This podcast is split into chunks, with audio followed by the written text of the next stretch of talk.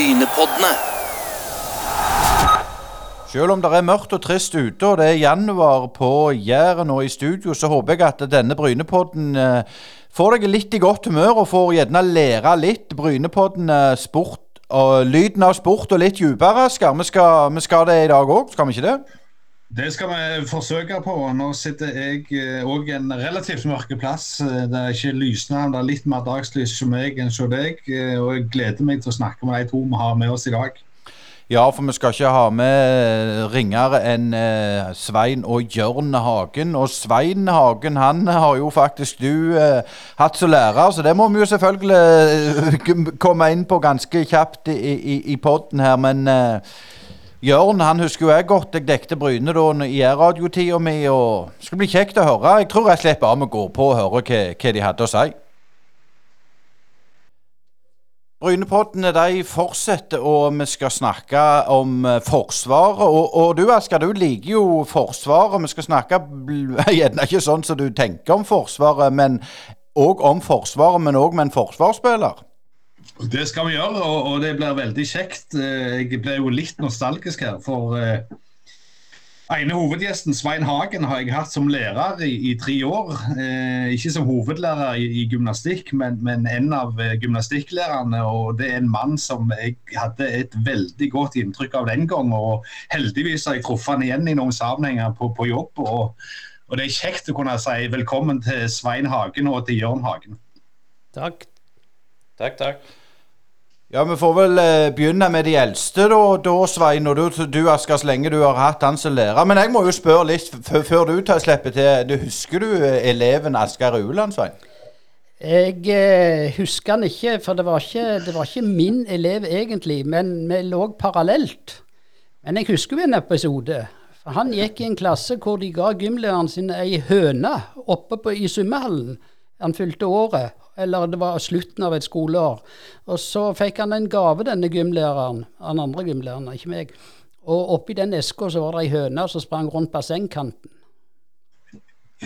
Ja, det, det er fullstendig korrekt. eh, Og, vi var faktisk ute på Øksnava og fikk, fikk den gratis, for det var slutten på året der ute òg. Så, så det var videregående til videregående overføring. Og, og jeg traff han gymlæreren senere, og siden at han holdt hundsen når jeg snakket med han for, for en ti års tid siden, så det var jo litt morsomt. Men, men Svein, jeg har lyst til å spørre deg litt. altså Du har jo en, en egen idrettskarriere som kanskje ikke har kommet så mye fram etter at du har skrevet mye i avisene om idrett og sånn. men men hva slags idrettsmann var du, og, og kan du fortelle litt om din egen karriere til å begynne med? Jeg var vel eh, en meget allsidig, eh, ung, talentfull idrettsutøver. Både i friidrett, langrenn, volleyball, fotball. Eh, jeg var innom de aller meste. Jeg var til og med kretsmester både på skøyter, i langrenn. Eh, sånn at det, jeg starta der, men etter hvert så fant jeg jo interessen mest for friidrett og løping. Og løping har jo alltid ligget for meg. Men hvor tid eh, holdt jeg på å si, pensa du mer inn på, på løpesida og, og liksom lot andre vente? Jeg kjenner jo eh, noen gamle fra Gandal som, som ikke er blant sånn som Knut Bjørn Vagle, som var en sånn skøytemester, eh, friidrettsmester og, og fjelløpsmester og gud vet hva. Men, men var det, mer, det var mye mer vanlig å drive allsidig på den tida du begynte. Hvor tid begynte du å spisse? Det var vel i 15-16-årsalderen jeg fatta mest interesse for friidrett. Men eh, jeg så jo fortsatt og at andre idretter på eksempelvis vinterstid, så, så var det jo kjekkere å gå på ski enn det var å springe. Men etter hvert så ble det bare løping for meg helt til jeg begynte å skjære i disse knærne mine. Og det begynte jeg allerede som 16-åring. Men hvilke distanser var det du, du setter mest pris på da, under friidrettstida di? Helst jo lenger, jo bedre. Eh, jo mer slit, jo kjekkere.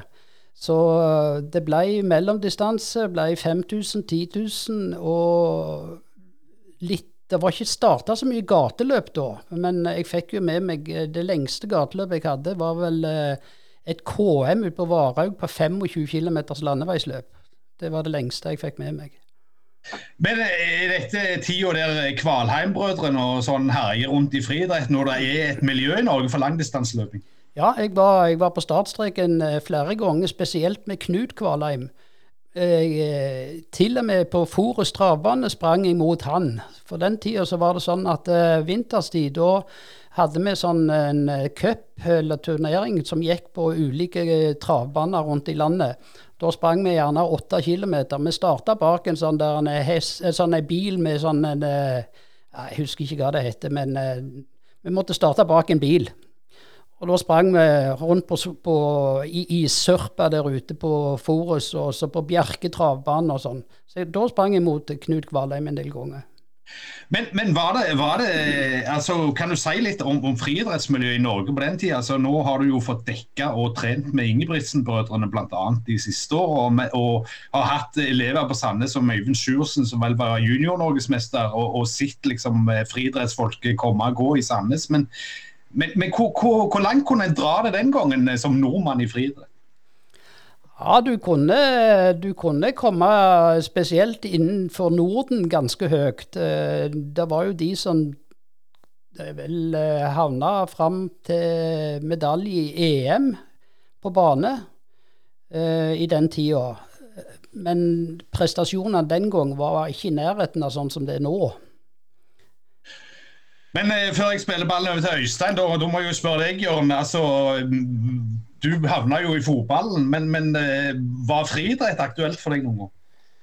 Ja, jeg eh, holdt på med friidrett. Jeg vet ikke hvor mange år det var, men jeg var nok i utgangspunktet bedre, bedre i friidrett enn, enn, jeg var i fotball. Jeg var rundt i Jeg var iallfall i Oslo og sprang, sprang noen ganger. Um, og jeg likte å konkurrere i friidrett, men jeg var ikke så fryktelig glad i den måten å, å trene på. Det passet ikke, passet ikke, så godt til meg. Det var litt for lite, litt for lite action. Men akkurat det å, å, være med på stevner og sånn, det holdt jeg på med. Og jeg sprang eh, Jeg likte veldig godt eh, Eller der jeg var, var best, var sånn 600 meter, 800 meter og, og 1000 meter. Eh, litt sånn, eh, Hvordan var miljøet i friidrett for, for, din del, Jørn, når, når, du begynte? Nei, det var nok uh, Det var nok ganske lite miljø i forhold til det en ser i, ser i dag. Og, og, det var uh, gjerne mer sånn drevet på drevet på hobbybasis. Altså Nå er det mye mer ordentlig, og de begynner, begynner tidlig. Og det er store grupper i hvert, hvert alderstrinn.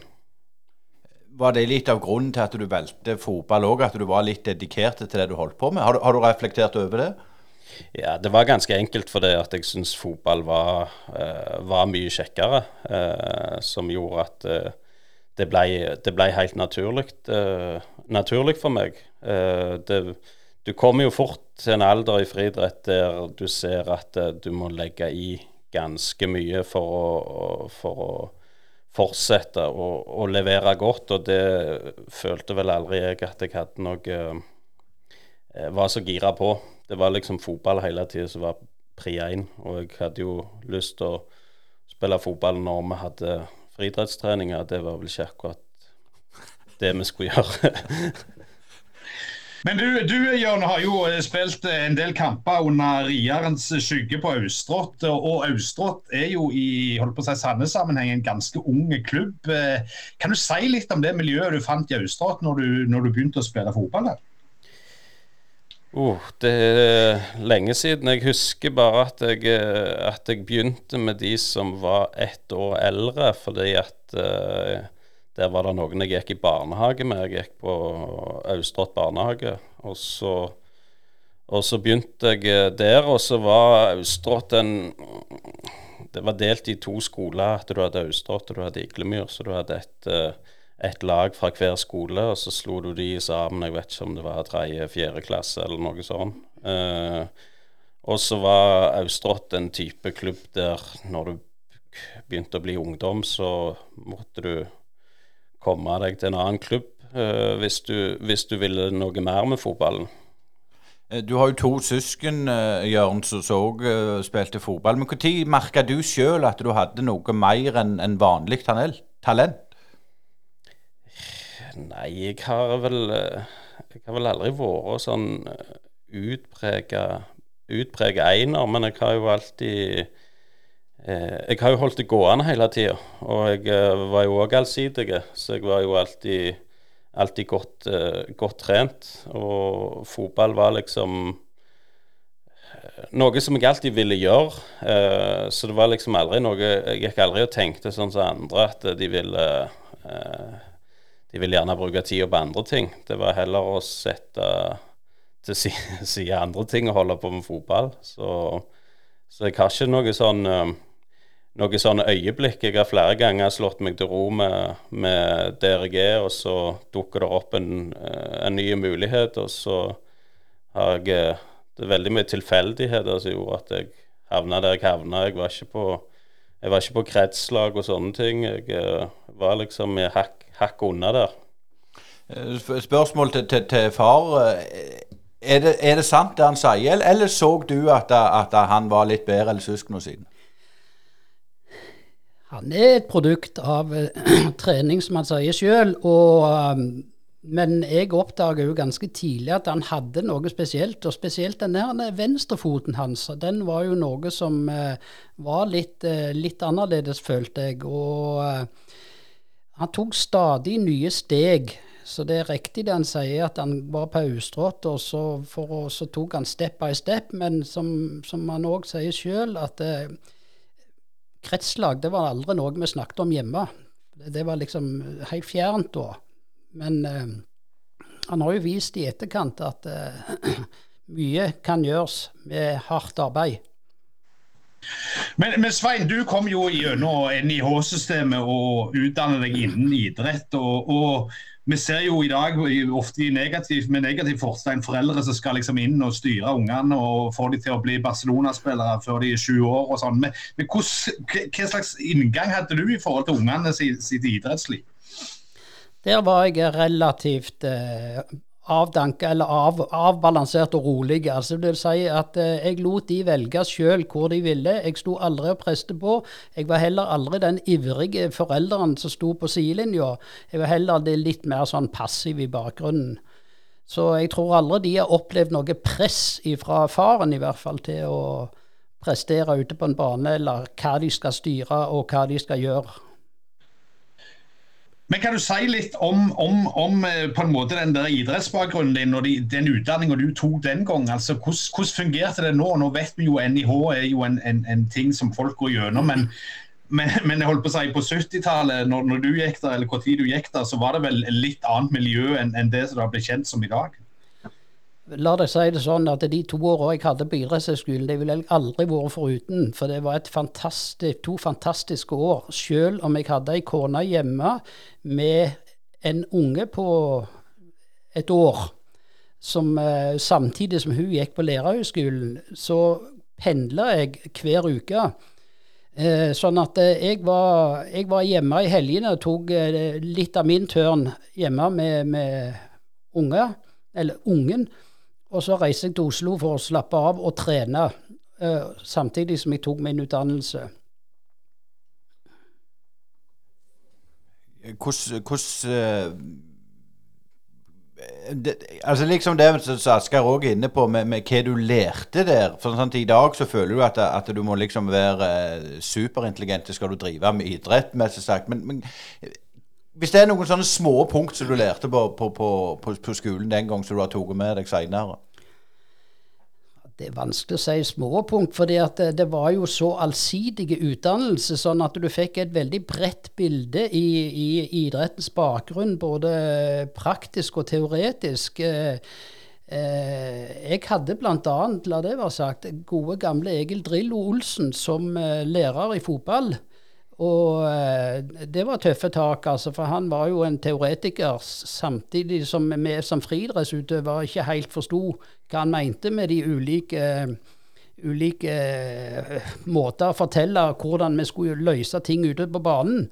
Jeg hadde òg i min klasse uh, Nils Johan Semb.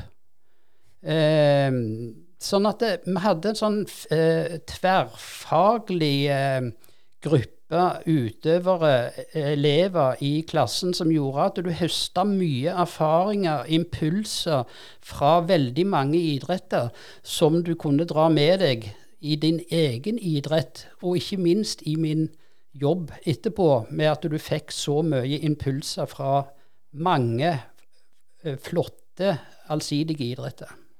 Jørn, når, når, du ble eldre, når, når, far hadde hatt denne skolen, dro du nytte av det sjøl? Ja, jeg har jo alltid kunnet, kunnet få tips når det, er, når det er ting jeg har lurt på. Jeg har jo hatt uh, flere ting jeg ikke har uh, Altså, hvis du tenker på det som er enklest å trene uh, for, for, egen del, så er det jo som fotballspiller det med utholdenhet og, og styrke og hurtighet og sånne ting, så har jeg jo gjort mye sånne ting på, på egen, egen, hånd. Og da har jeg jo naturligvis spurt han om, han om tips, for det er jo mye bedre å, å, å trene riktig enn å bruke masse tid på, på noe som ikke funker. Men, men Jørn, jeg har lyst til å følge opp litt der, for du har jo eh, spilt eh, på toppnivå selv og, og, stått på sidelinja som, som, trener. Hva er det største forskjellene i dag, føler du, på, på måten folk trener fotball på, og, og den treninga du gikk gjennom i din tid? Nei, det er vel mye mer den der helhetlige eh, planen, også at det er forska mye mer på, på hva type trening som er, er best for å, for å, uh, for å tåle, tåle, den belastningen. Vi sverger nok mye mer til sånn beinharde trening i perioder, og så slippe opp i slipper opp i perioder. Eh, så det er nok mye av den treningen som, som gjorde før, som, som, kunne vært gjort enklere og mer, eh, mer, effektivt. Samtidig så var det jo nok en del av den treninga før som, som um, gjorde folk litt uh, Hva skal jeg si tøffere inn mot, uh, mot kampene, Da. Det å være virkelig uh, når det begynner å røyne på, det å, å, å klare å ta ut, ta ut det siste, den der desperasjonen de siste fem-ti minutter når du, når du, virkelig enten trenger mål eller er nødt til å, er nødt til å forsvare deg. Ja, Stinga skal løpes av, eh, som det heter i gamle dager. Svein, eh, hva syns du om, om denne spesifiseringa som har kommet? Eh, før var det mye mer allsidig. Folk drev med ulike idretter. Hvor ligger du hen i, det, i, i synet på det?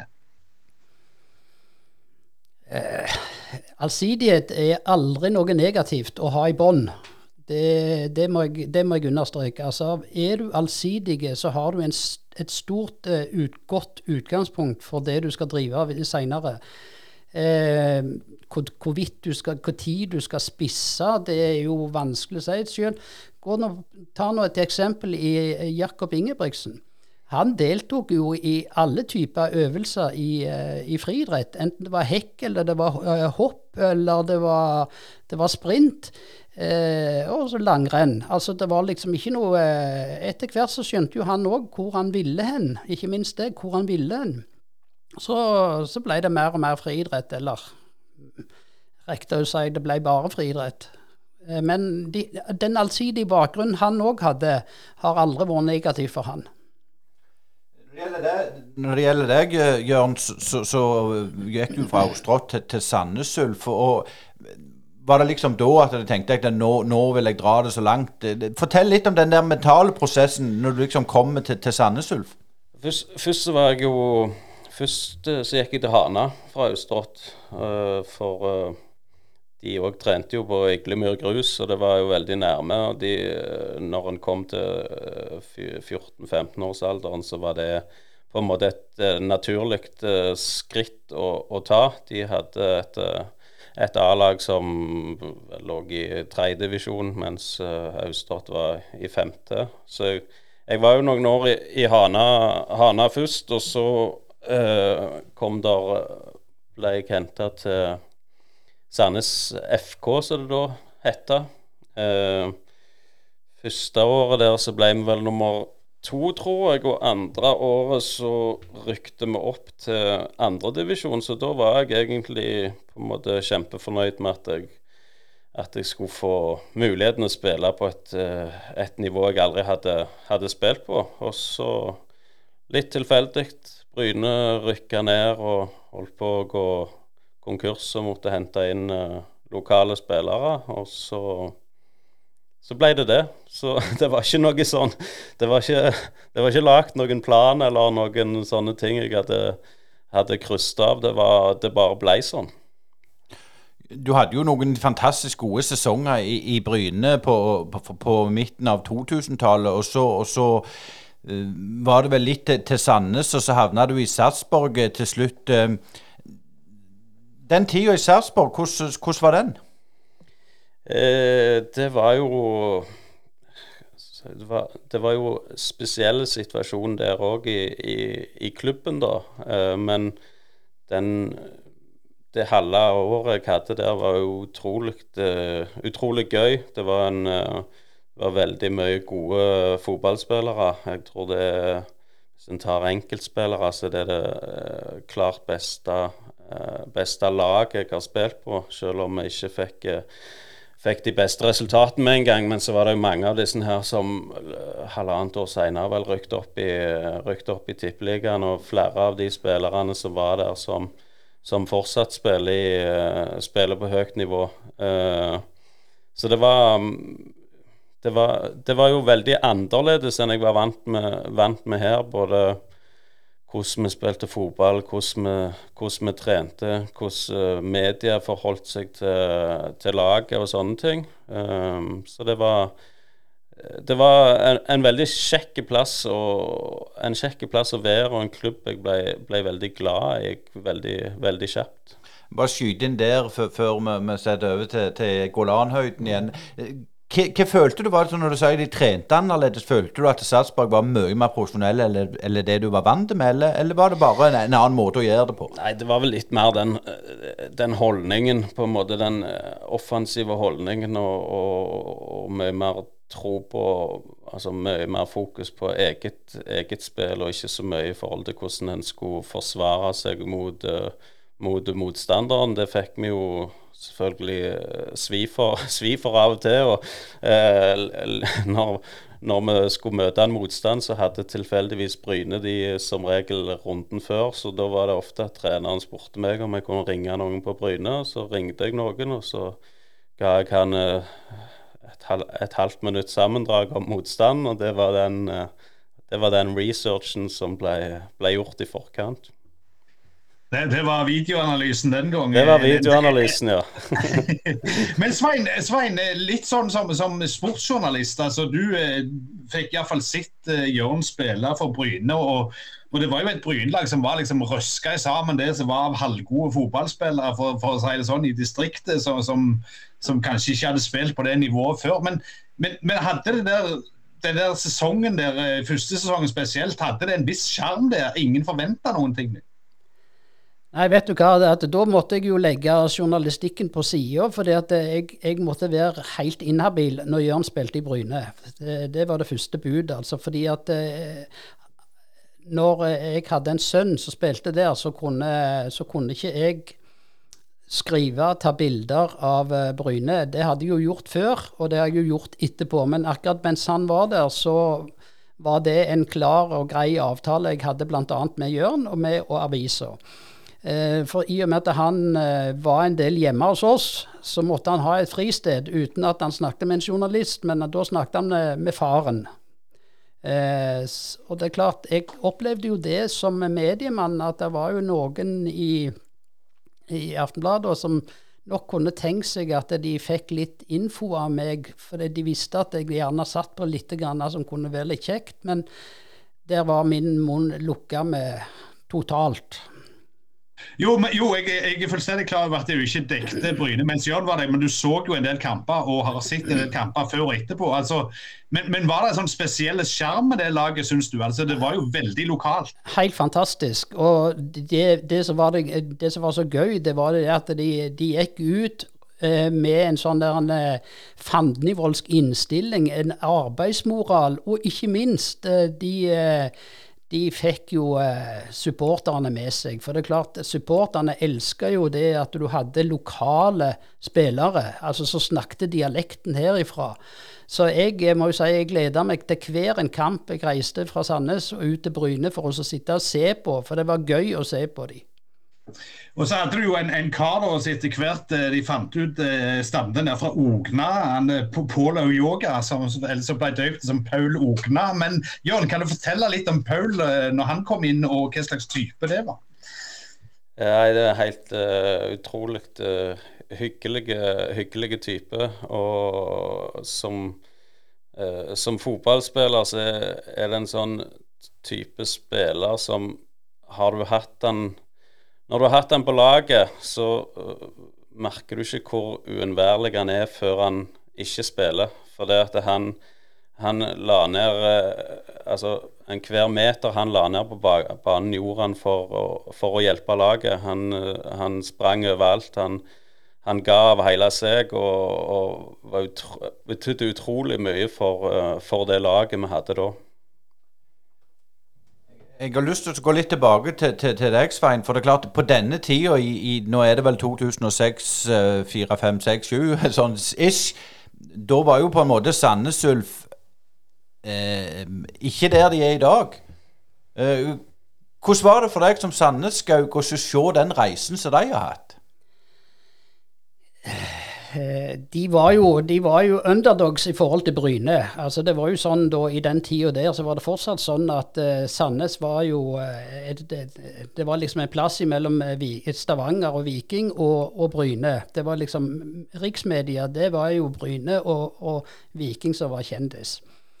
Men etter hvert så kom jo Sandnes gradvis. Jørn var jo med på en del av dette her når de eh, hadde det luftet de hadde. De skifta jo fra Sandnes FK til at det ble Sandnes Ulf. Eh, og jeg glemmer faktisk ikke når eh, Sandnes Ulf slo Bryne her ute på, på Jæren. Altså, da skjønte vi at her, her, nå er det i, form, i ferd med å skje et, eh, et eh, skifte her i hegemoni. Altså, nå blir Bryne litt mer akterutseilt, men Sandnes tar kursen rett opp. Men, men Svein, som, som Sandnesbua, både du og jeg, eh, så vet vi jo det at det er jo eh, mange klubber rundt i, i, i, distriktet i Sandnes der det største er å slå Ulf, uh, uansett hva det gjelder. Men hvorfor tror du at det hadde vært så vanskelig å liksom sveise sammen et, et lag for selve byen i Sandnes? Problemet har jo vært det at du har hatt eh, relativt store bydeler, og du har bydeler i Sandnes. De hadde aldri noe tilhørighet til Sandnes stadion. Det var liksom ikke deres hjemmeplass, Sandnes stadion. Deres hjemmeplass på Austrått, det var, det var Iglemyr. Eh, tilsvarende for Riska eller for Hana. De hadde alle sine plasser. Og det, det, var liksom Det var jo mange sterke krefter imot eh, sammenslåing med, til Sandnes FK i sin tid. Det var ikke lett å enes om en satsing i, akkurat i den banen. For da, da ville ikke bydelsklubbene egentlig slippe sine beste spillere til et sånn et superlag, satsingslag. Men, men Jørn, du går jo tilbake til, til altså fra Bryn til, til det, eller fra Sarpsborg til det som har blitt da Sandnes Ulf. Var det stor forskjell på det, det Sandnes FK du forlot, til det Sandnes Ulf du kom til? Ja, det Sandnes eh, FK jeg eh, forlot, det var jo eh, siste, siste året til Sandnes FK. Da hadde vi, da hadde vi kun ett A-lag. Det, det, var det klubben besto av. Det hadde vel med unntak av når vi, når vi rykka opp, så var det stort sett 50 eh, tilskuere. Eh, og bortekamper så var det gjerne bror min og et par til som bare så på oss. Så, så den, den, sammenslåingen som holdt på å si, Når de gikk tilbake igjen til, til røttene sine og ble, ble Sandnes Ulf, så ble jo det en, en, en ny samling etter at Sandnes FK på en måte rant litt rant litt ut i sanden. Og jeg tror hvis vi ikke hadde rykt opp til andredivisjon det, det året der, så hadde det vært så hadde det vært vanskelig å komme, komme der, de, der, de, kom. Eh, litt tilbake til det som Asker spør, spør, om, med tanke på det å få til et bylag der at Sandneskaugen går og ser Sandnes Ulf. Det er jo 80 000 innbyggere i byen, og det er jo mest 800 på, på, på, på stadion. Jørn, hva tenker dere som litt yngre? Er, er, hvordan ser du på det? Hvorfor kommer det ikke mer til stadion? Nei, jeg det, I min generasjon så henger nok òg veldig igjen det med at uh, vi har ikke hatt den tilhørigheten Sandnes, Sand, eller Ulf Sandnes, som det heter, var jo, en, var jo en konkurrent til folk når de vokste opp. Så de hadde jo et helt annet, helt annet forhold, for det at de lå ikke noe naturlig over de andre, andre klubbene. Eh, jeg tror jo mye av nøkkelen ligger i å få, få de, de, som er yngre nå, til å, til å, å bli, glad i, eh, bli glad i klubben. Og der eh, gjør klubben mye bra med å invitere bydelsklubbene til å, til å komme på kamper. Og så er det folk rundt her er ganske sånn kresne. Det er mye å velge mellom. Så det er klart at uh, du, må, du, må, være tålmodig, og så må du, må du ha, begynne å få, få, resultat. Gjøre noe, som, gjøre noe som gjør at folk ønsker, ønsker å være der. Sant? Når de var i Eliteserien, så traff jeg ekstremt mange folk som gikk med, med Sandnes Ulf-jakke og sa vi er gode, som jeg aldri har sett før eller siden, som uh, hadde noe med Sandnes Ulf å gjøre. Men det, da, skjedde det noe i byen. og jeg, jeg, tror de er på rett vei nå med, med, med stadion på plass. De har uh, begynner å, å, å, Jeg vil jo tro at de nå går mer etter lokale spillere uh, og ser hva effekt det har. Og så vet jo jeg som har både vært i topp og bredde, at det er ekstremt mange gode fotballspillere lokalt. Men, men de er nødt til å få sjansen, og de kan ikke, de kan ikke levere på et kvarter. Litt til det du sier der, Jørn. Tror du du hadde fått sjansen i 2021? Eh, nei. Asgeir? Det var kort og kontant eh, fra Jørn Hagen der. Eh, men Svein, jeg har lyst til å pense deg litt tilbake til, til starten av eh, av, av journalistkarrieren. For det, det, har vel stort sett vært en helgejobb. For i uken så sprang vi jo rundt på, på, skolen der og skulle ta, ta Cooper-test på folk og den slags uh, herråter. Men uh, hvordan, hvordan, var det du rullet deg inn i det, og hvordan har det vært å dekke sport fra sånn fagperspektiv? Har har du følt du har fått liksom, benytta faget nok i det du har skrevet om sport? I veldig stor grad, ja. Det har, jeg, eh, det har, jeg, hatt stor nytte av. Og det er klart, det, det, som har vært interessant, eh, det er jo det at du har truffet mye eh, elever som har utøvet idretter som du kanskje ikke var klar over at de dreiv når du har vært ute som journalist. Du har vært ute på idretter som eh, i min begynnelse som, som, journalist, så var du jo ute på idretter som, eh, som er liksom fjernt i dag. Men du, fordi at det, dekka, det ble dekka så vidt på vidt begrep i forhold til idrett. Du kunne jo åpne Aftenbladet en mandag, eller Rogalands Avis eller Jærbladet for den saks skyld en mandag. Så ville du se at den inneholdt sport ifra et utall av idretter. Men, men hva vil du si er liksom eh, det har jo skjedd ting med internett osv. Men, men kan du si litt om, om hverdagen din i, i de fri internett? Liksom, hvordan, for de yngre lytterne, hvordan var det liksom sportshverdagen og dekninga foregikk den gangen? Den gangen eh, så var det jo sånn at eh, det var som du sier, det var mye helger. Men det hendte jo at jeg var ute midt i uka òg. Men stort sett så var det helgene. Da var det sånn at du ble sendt på fra alt fra travløp til Selv om ikke akkurat det var min greie, men fra travløp til, til boksing osv. Og, og da var, det, da var, det, sånn at det var ikke, du skulle ikke skrive så mye om hver ting, men du, du, du skulle ha veldig mange forskjellige ting som du eh, beretter om. I dag er det noe helt annet. Nå er det jo, eh, Du går på en, en kamp, og så er det ja, da er det jo en finne det mest mulig tabloide i den kampen.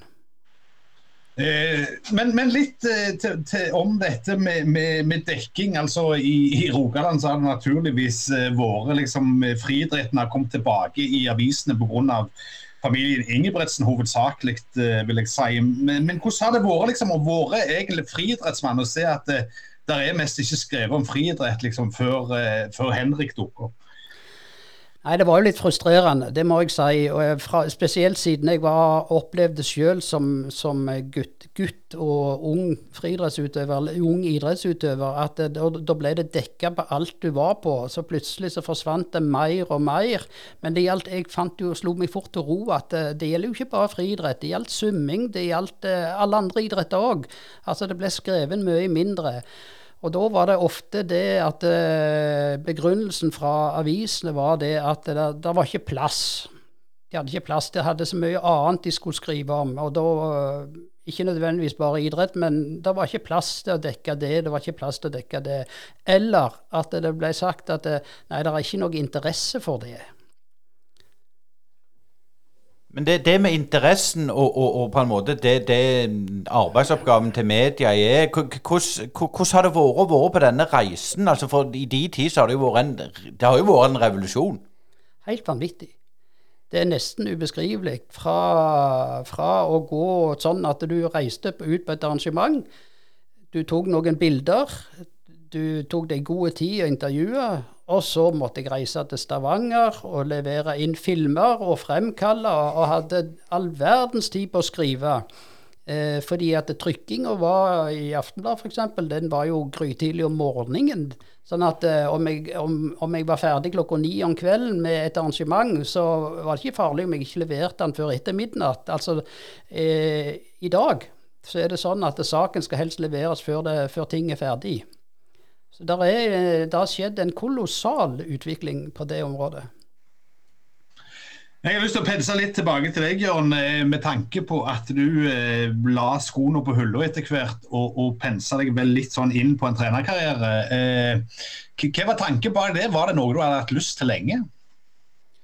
Nei, jeg er ikke så veldig god å planlegge langt fram i, fram i tid. Men eh, jeg eh, fikk en mulighet til å være, være trener, i, trener i Austrad, som jeg hadde hatt, eh, hadde hatt, lyst til å prøve det å være trener. Og da hadde jeg i utgangspunktet en plan om å, om å fortsette å, å spille sjøl eh, på, på sida. Jeg var bitte litt i, i SIF eh, noen måneder, men jeg fant fort ut at, eh, at det var det, kunne like godt spille i, i Austrått. Og det er jo Noe av det som er fascinerende med fotball, er jo det der at det, det med nivå og, og, sånne ting Det er jo omgivelsene som er, som er annerledes. Opplevelsen eh, kan være vel så stor i, i lavere, på lavere nivå, for det er noe med det at da er du en gjeng med kompiser som får til noe sammen, kontra hvis du er på høyere nivå, så er det selvfølgelig mer ting rundt med media og,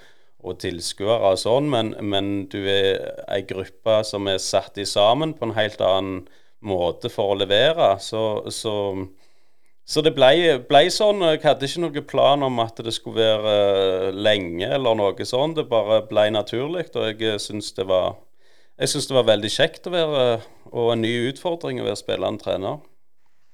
Eh, bydelen Austad har jo, har jo vokst vanvittig bare siden si, du var liten. Eh, og, og mye av befolkningen var vel litt oppe i året òg, eh, hvis du går litt tilbake. Men hvordan har det spilt inn på, på laget Austrått og bydelen, og samholdet i bydelen? Hva følte du var forskjellen når du skulle begynne å trene disse Austrått-folka fra, fra din egen oppvekst? Nei, når jeg, når jeg, begynte der som trener, så var det jo først og fremst et, et lag som, som, der det var, var li, dårlig treningskultur. Altså det var De hadde en del gode spillere, men det var ikke noe, var ikke noe sånn kultur for å, for å, å komme på trening. Eh, det var jo en helt annen klubb jeg kom tilbake igjen. For det at det, som du sier, det er blitt en mye større bydel, og da har du jo lag i, i, alle, i alle aldersgrupper. og der er det er mye mer, uh, mye mer folk å, å, forholde seg til. Men, uh, men det var jo eh, Ja, visste ikke helt hva jeg, hva jeg gikk til når jeg, når jeg, kom tilbake igjen. Så det var, det var, det var en fin utfordring, det. Eh, men, men, Svein, eh, Jørn har jo vært åpen med, med at han fikk seg en trøkk etter, en stund som, som trener. og, og sånn. Eh, Merka du noe til det i Austrått når han var trener der, eller, eller, kom det et sjokk for deg? Jeg merka ingenting når han holdt på i Austrått. Men det kom, jo, det kom jo gradvis, dette her. Så merka jo i den forstand at han ble noe mer sliten. Det merka vi, ja. Men han eh, spilte med veldig greie kort overfor mor og faren. Det gjorde han hele veien. Ja, for, for, for Jørgen, du, du, du eh, ble jo ansatt i Bryne som juniortrener. Nå husker ikke jeg årstallet, men det var jo etter tida i Austrot. Og da kjempa jo jeg med deg når jeg var trener i Klebe, husker jeg. Så det, var, det, er, det, er jo, det, er jo gode minner, som du sier, om du spiller topp og bredde. Det er jo, det er jo liksom pakken rundt. Jeg, jeg, jeg, du husker jo det ennå. Mm. Jeg Klebe husker jeg eh, flere, flere oppgjør med, ja, både med, både med A- og, og B-laget. Eh, og eh, det å ha gode, gode, grasban, eh, go, gode graskamper lokalt, det er ikke så mye så, mye som slår det, mener jeg, da. Nei, det er ikke det. Men, men, men, men nok om, om tida i, i Austrad. For det, det, ble jo Bryne, og, og, da var det liksom tilbake til toppfotballen. Hva, hva var det som trigga deg eh, da? Nei, jeg har jo, jeg har jo vært trener flere år og, og hadde jo et, uh, tatt uh, ulike kurs og hatt lyst til å, gå den veien. Uh, og så litt tilfeldig igjen så tok det den, den muligheten i, i Bryne opp. Og jeg var jo veldig glad og hadde jo jeg hadde gått og hangla en stund før det, men jeg trodde gjerne både jeg og de rundt meg og de jeg hadde snakket med, at det å komme og få på en måte lande litt og ha en jobb som, som, uh, som var det en ønskte, skulle, uh, skulle få, få, ting på, på plass. Um, så det var jo veldig nedtur for min del at, at det ikke, det ikke var så lett. Eh, men klart, når du får det på avstand For, for dette med å få seg en, en, en, en på Tryggård, for å si det sånn, det er jo ganske vanlig. Altså, og gjerne enda mer utsatt for, for, for idrettsutøvere som på en måte har fått livet lagt litt til rette for seg. Jeg vet ikke om du har reflektert rundt dette, Svein? Det er klart at det er, vi ser jo det, at det er veldig mange som får en nedtur etter de er ferdig med sin aktive karriere. Men eh, så er det andre igjen da som klarer å finne en ny vei i livet etter sin aktive karriere. Og det er klart at eh, Jørn hadde jo, eh, han hadde jo tanker om dette med, med tren, trenergjerning og sånn noe. Men det er klart eh, totalbelastningen, og nå snakker vi om totalbelastningen, ble vel ble for stor etter hvert. Og uh, sakte, men sikkert så, så tærte det såpass mye at uh, uh, det måtte tas en timeout. Men Janne, litt tilbake til deg. Når begynte du å merke at denne haugen begynte å vokse seg større og større og ble til et lite fjell? Var det noe du kjente på lenge, og var du veldig usikker på hva dette var for noe til å begynne med? Ja, jeg tror, vel, jeg tror vel alle kjenner i perioder at det er sånn. Og så har har vi jo alle våre strategier for å for å komme oss ut av de ulike trøkkene vi, trøkkene vi får. Eh, det, det, er vel som, som virkelig begynte å, å, få meg til å lure på hva det var. Det var at eh, at det å, å, å trene ikke, ikke, gjorde meg bedre. At jeg, jeg spilte fotballkamper for Austrått sitt toerlag, og jeg fikk knapt nok med meg, med meg hva, som, hva, som, foregikk. For hodet mitt var én plass samtidig som, jeg, samtidig som jeg spilte. Jeg merka òg det å stå på stå på sida på, på, på, kamper som trener, at en klar, jeg klarte ikke å, å fokusere på det jeg, det jeg skulle. og For meg så har det iallfall alltid vært opp gjennom sånn uansett hva, hvor drit ting har vært, eller bra ting har vært, så er det noe med at idet du kommer ut på den banen, om du er trener eller spiller eller hva det er, så, så forsvinner det, og så er du 100 til stede, men jeg, jeg, følte jeg var mindre og mindre til stede der jeg, der jeg skulle være, da. Men Når var det du bestemte deg for at du ville være åpen rundt dette? her? Det er jo selvfølgelig eh, en ting du ikke gjør når du er på bånn. Altså, Merka du allerede da at eh, når du gikk ut at eh, nå, nå, begynte du å se litt sola bak skyene?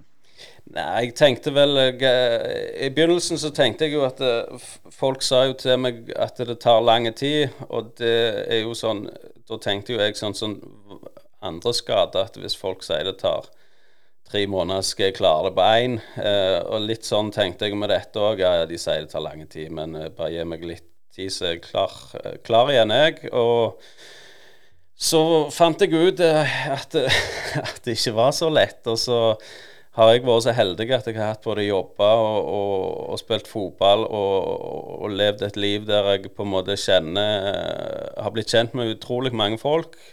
Og det gjorde etter hvert at det der Jeg fant fort ut at hvis jeg skal i tillegg gå rundt og bruke energi på å lage en sånn versjon ut av det hele tida, så, så, bruker jeg jo krefter på det, og det er ikke vits. Så da tenkte jeg litt sånn at eh, ja, om noen syns jeg er en får et annet syn på meg pga. det, så får det heller eh, bare være. Jeg har eh, vært åpen med familie og venner fra, fra fra begynnelsen. Så det er jo de som er Det er jo hva de syns som er viktig. Jeg, jeg, har jo hatt begge dine foreldre som lærere, iallfall eh, noen timer. Eh, veldig åpne folk som alltid har støtt opp om, om de rundt seg i, i skoleverk og sånn. Gjorde det lettere? Og, og, og dere, har dere hatt en sånn åpen dialog i heimen hele livet? Og gjorde det lettere å komme og si, si til mor og far hva som holdt på å skje? Ja, jeg, jeg, jeg har jo gjort gjort mine feilsteg opp gjennom, jeg. Og jeg har aldri følt uh, Jeg har aldri vært redd for å, for å snakke om ting, ting hjemme. Og, og, det har Altså, på godt og vondt så har det alltid vært åpent og, og, og trygt å komme hjem. Og jeg har aldri vært i tvil når, eh, når, jeg har utfordringer, at jeg eh, har eh, foreldre jeg kan fortelle det til. Og det har jeg, det har jeg gjort opp gjennom hele tida. Som regel så har jo det, det, det vært nok, men, men nå var, var, det ikke nok å bare fortelle. Nå måtte jeg tydeligvis gjøre, gjøre litt mer med det. Men klart Når du har sett dette på utsida, sånn, når, når, du får det litt på avstand hvilke refleksjoner har du gjort? Skulle dere grepet inn litt tidligere, eller, eller er det noe sånn bebreidelse på, på begge sider? Jeg tror ikke det er noe hensikt å bruke energi på det i det hele tatt. fordi at eh, Jeg tror ikke vi kunne grepet inn på et tidligere stadium i det hele tatt. fordi at eh, det var ingen av oss som hadde noen forutsetning til å, tidfeste hvor lang tid ville dette ta, hvor, hvor dypt stakk det. Eh, Eh, hvor mye må til. Eh, så jeg, det er ikke, det ikke streifa tanker om det, nei. Jeg, jeg, leste Vi skal ikke for, for, dvele for mye, men, det, men en ting jeg har lyst til å spørre om. for Jeg leste mm, intervjuet du gjorde med Sandnesposten. og da Litt sånn, Du føler på en måte at, at du bebreider deg sjøl. For liksom, du er vellykka med kall det det da, sånn, med familie og, og, og gode venner og, og, egen familie, kone og alt. Eh, eh, var det liksom vanskelig dette å gå ut og si sorry, jeg må rekke opp hånda, jeg, jeg har det litt tøft nå? Ja, det syns jeg jo er vanskelig hele tida. For at jeg, jeg, har jo lyst til å ordne ting sjøl. Jeg har ikke lyst til å, lyst til å på en måte eh, sutre. Eh, det er alltid andre som, som har, har, sine utfordringer. Så det, det er jo det som det er jo det som alltid gjør det, gjør det vanskelig. At en, en, tenker hele tida Hadde jeg bare gjort sånn, hadde jeg bare gjort sånn, hadde jeg bare gjort sånn. Og, og så er det jo det at det handler hele tida om å være i, i forkant og prøve å innse ok, tid nærmer det seg for mye, enn at en hele tida skal bikke over og fortsette over den kanten over lengre tid. For det er jo det jeg har gjort. Uh, tydeligvis opptil flere ganger. Og det er jo uh, der jeg til slutt da kom i en situasjon der jeg ikke klarte å ta noen skippertak og på en måte hente meg inn igjen. Og det, det er ikke noe jeg, jeg, har trodd jeg har funnet løsning mange ganger, men, eh, men det, det, det, det, er ikke, det, er ikke, lett, og jeg har sagt eh, skjerp deg og ta deg sammen eh, en, million, en, million ganger til meg, til meg selv, Og det, det, er klart det er frustrerende når du har, vet med deg sjøl at jeg har gått med kassen, eh, kassen opp og haka opp ut foran masse tusen tilskuere. og og syns det har vært kult. Og så har jeg gått uh, med sittet nede i bakken og vært livredd når jeg skal gå og hente posten, liksom. Sant? Så du, når du ser det utenfra, så virker det jo helt, uh, det jo helt dumt. Men, uh, men det, det, er litt det samme som vi snakket om den opplevelsen med å vinne, vinne med fotballen. At det, det, er den følelsen du sjøl sitter med, ikke hvordan ting er rundt, som bestemmer din opplevelse av noe. Men, men Svein, med tanke på det media, nå, er det jo sånn klikkbasert og sånn Instagram feelgood-journalistikk, som jeg kaller det. Eh, tror du det har noe med, med, med å gjøre dette? At, at, vi ser liksom Philip når han vinner OL-gull, og så tror vi at det hver dag er sånn. Men, men vi som har levd en stund, vet jo at det er jo ikke sånn. Nei, og det kan jeg understreke. at det, Sånn er det ikke for Philip og gjengen heller. Det, de, har, eh, de har sine ting å stri med, de òg. Ikke nødvendigvis som eh, et OL-gull er alt. Det er ting bak et OL-gull òg. Men, men Svein, eh, vi, vi, snakket tidligere her om at, at stinga skulle løpes av, eh, som jeg sa før. Eh, du som har gått over 30 år i skoleverket, er det, er skjedd en endring blant elevene òg? Og at det er lettere å snakke om sånne ting i dag enn det var for seg 20 pluss år siden? Ja, det er det definitivt. Det er mye mer opplyste ungdommer i, i dag. Nå må det sies at nå, det, nå, har jeg vært ute av skolen halvannet år, men uh, det er ikke lenge. For uh, det, er en helt annen fysisk standard. Uh, samtidig så er, er det òg veldig mange hvor terskelen er relativt låg på før de har litt andre utfordringer problemer. Det er, det er tøft. Det er tøft klima å gå på en videregående skole i dag. Men, men tror du dette har eh, litt eh, med å gjøre at vi i dag er mye mer opptatt av jeg, altså individet, og være vellykka og sånn ut, altså Øystein var inne på, enn før, der det kanskje var litt mer den der kollektive følelsen som det var eh, sånn på 90-tallet? Det er helt klart. Det er Ta et lite døme som dette med kroppsfokus. Eh, det er klart at eh, det, det er ikke bare enkelt i, i oppveksten og ungdomsåra i dag, med den fokuseringen der er gjennom alle disse ulike sosiale mediene. Og det er klart det påvirker i veldig stor grad. Uh, Jørn, sånn, hva, hva, tenker du om uh, Det er litt sånn dype spørsmål. Hva tenker du om framtida? Men, men, har du lyst til å involvere deg i fotballen igjen?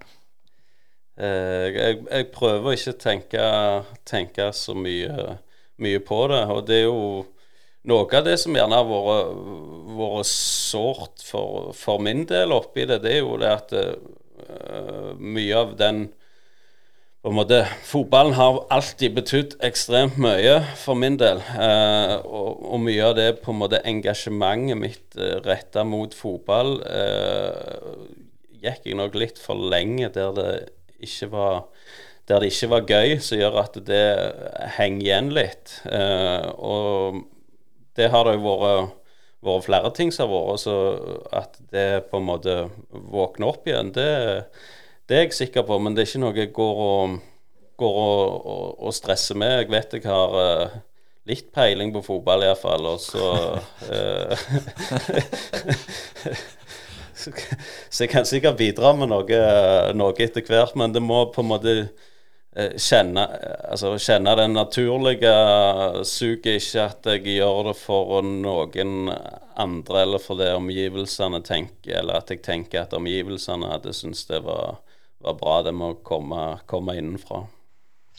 Eh, Svein, vi skal jo alltid tro det som pressen skriver, og du har jo blitt slags, slags eh, popstjerne nå etter at NRK har vist deg i Ingebrigtsen-serien. Eh, men hvordan blir det med deg framover? Kommer vi til å se deg på sidelinjen i året som kommer òg? Hva tenker du på sidelinja?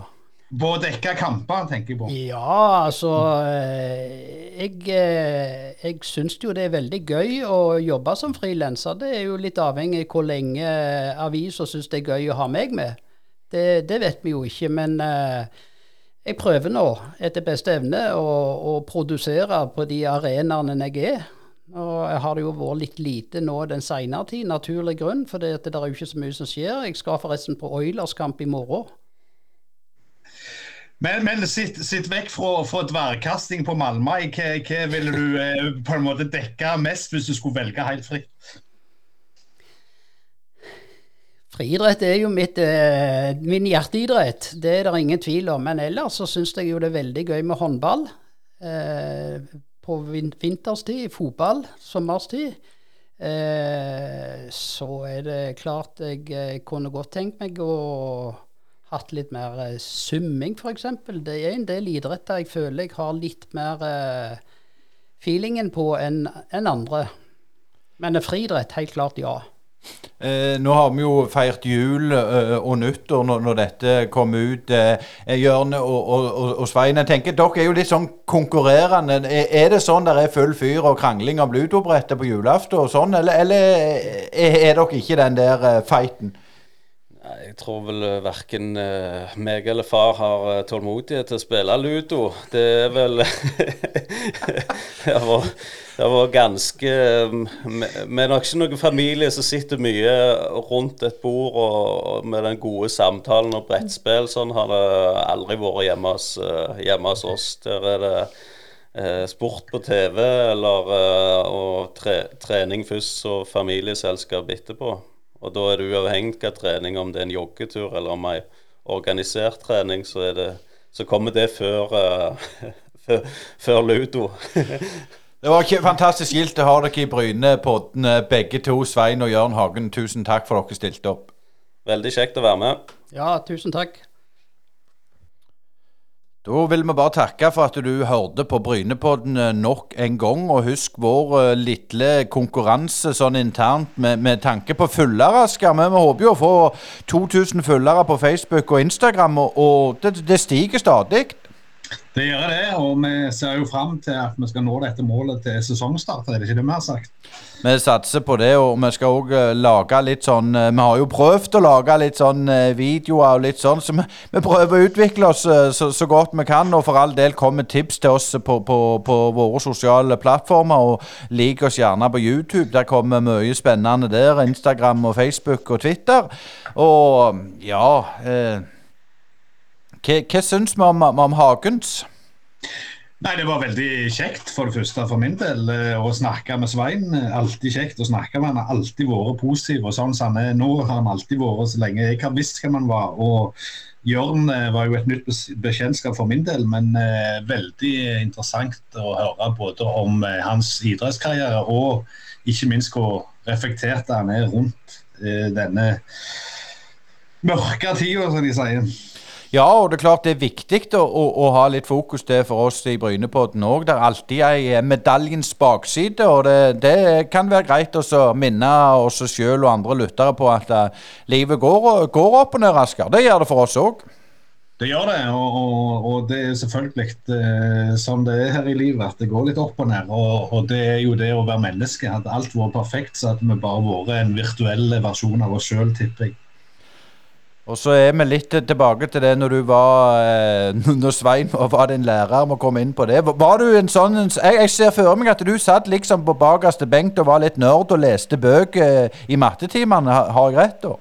Nei, jeg leste faktisk ikke veldig mye bøker på videregående. Jeg var, jeg var, jeg var en aktiv kar og, og, var på en måte en litt sånn eh, ja, eh, fyr som lagde litt liv og moro. Eh, apropos den høna som jeg nevnte tidligere i sendinga. Men, men eh, jeg, var ikke, jeg var ikke nerdetypen. Det var jeg ikke. Det, det var noe jeg begynte med seinere. Det gikk helst i Bibelen faktisk når jeg gikk på videregående.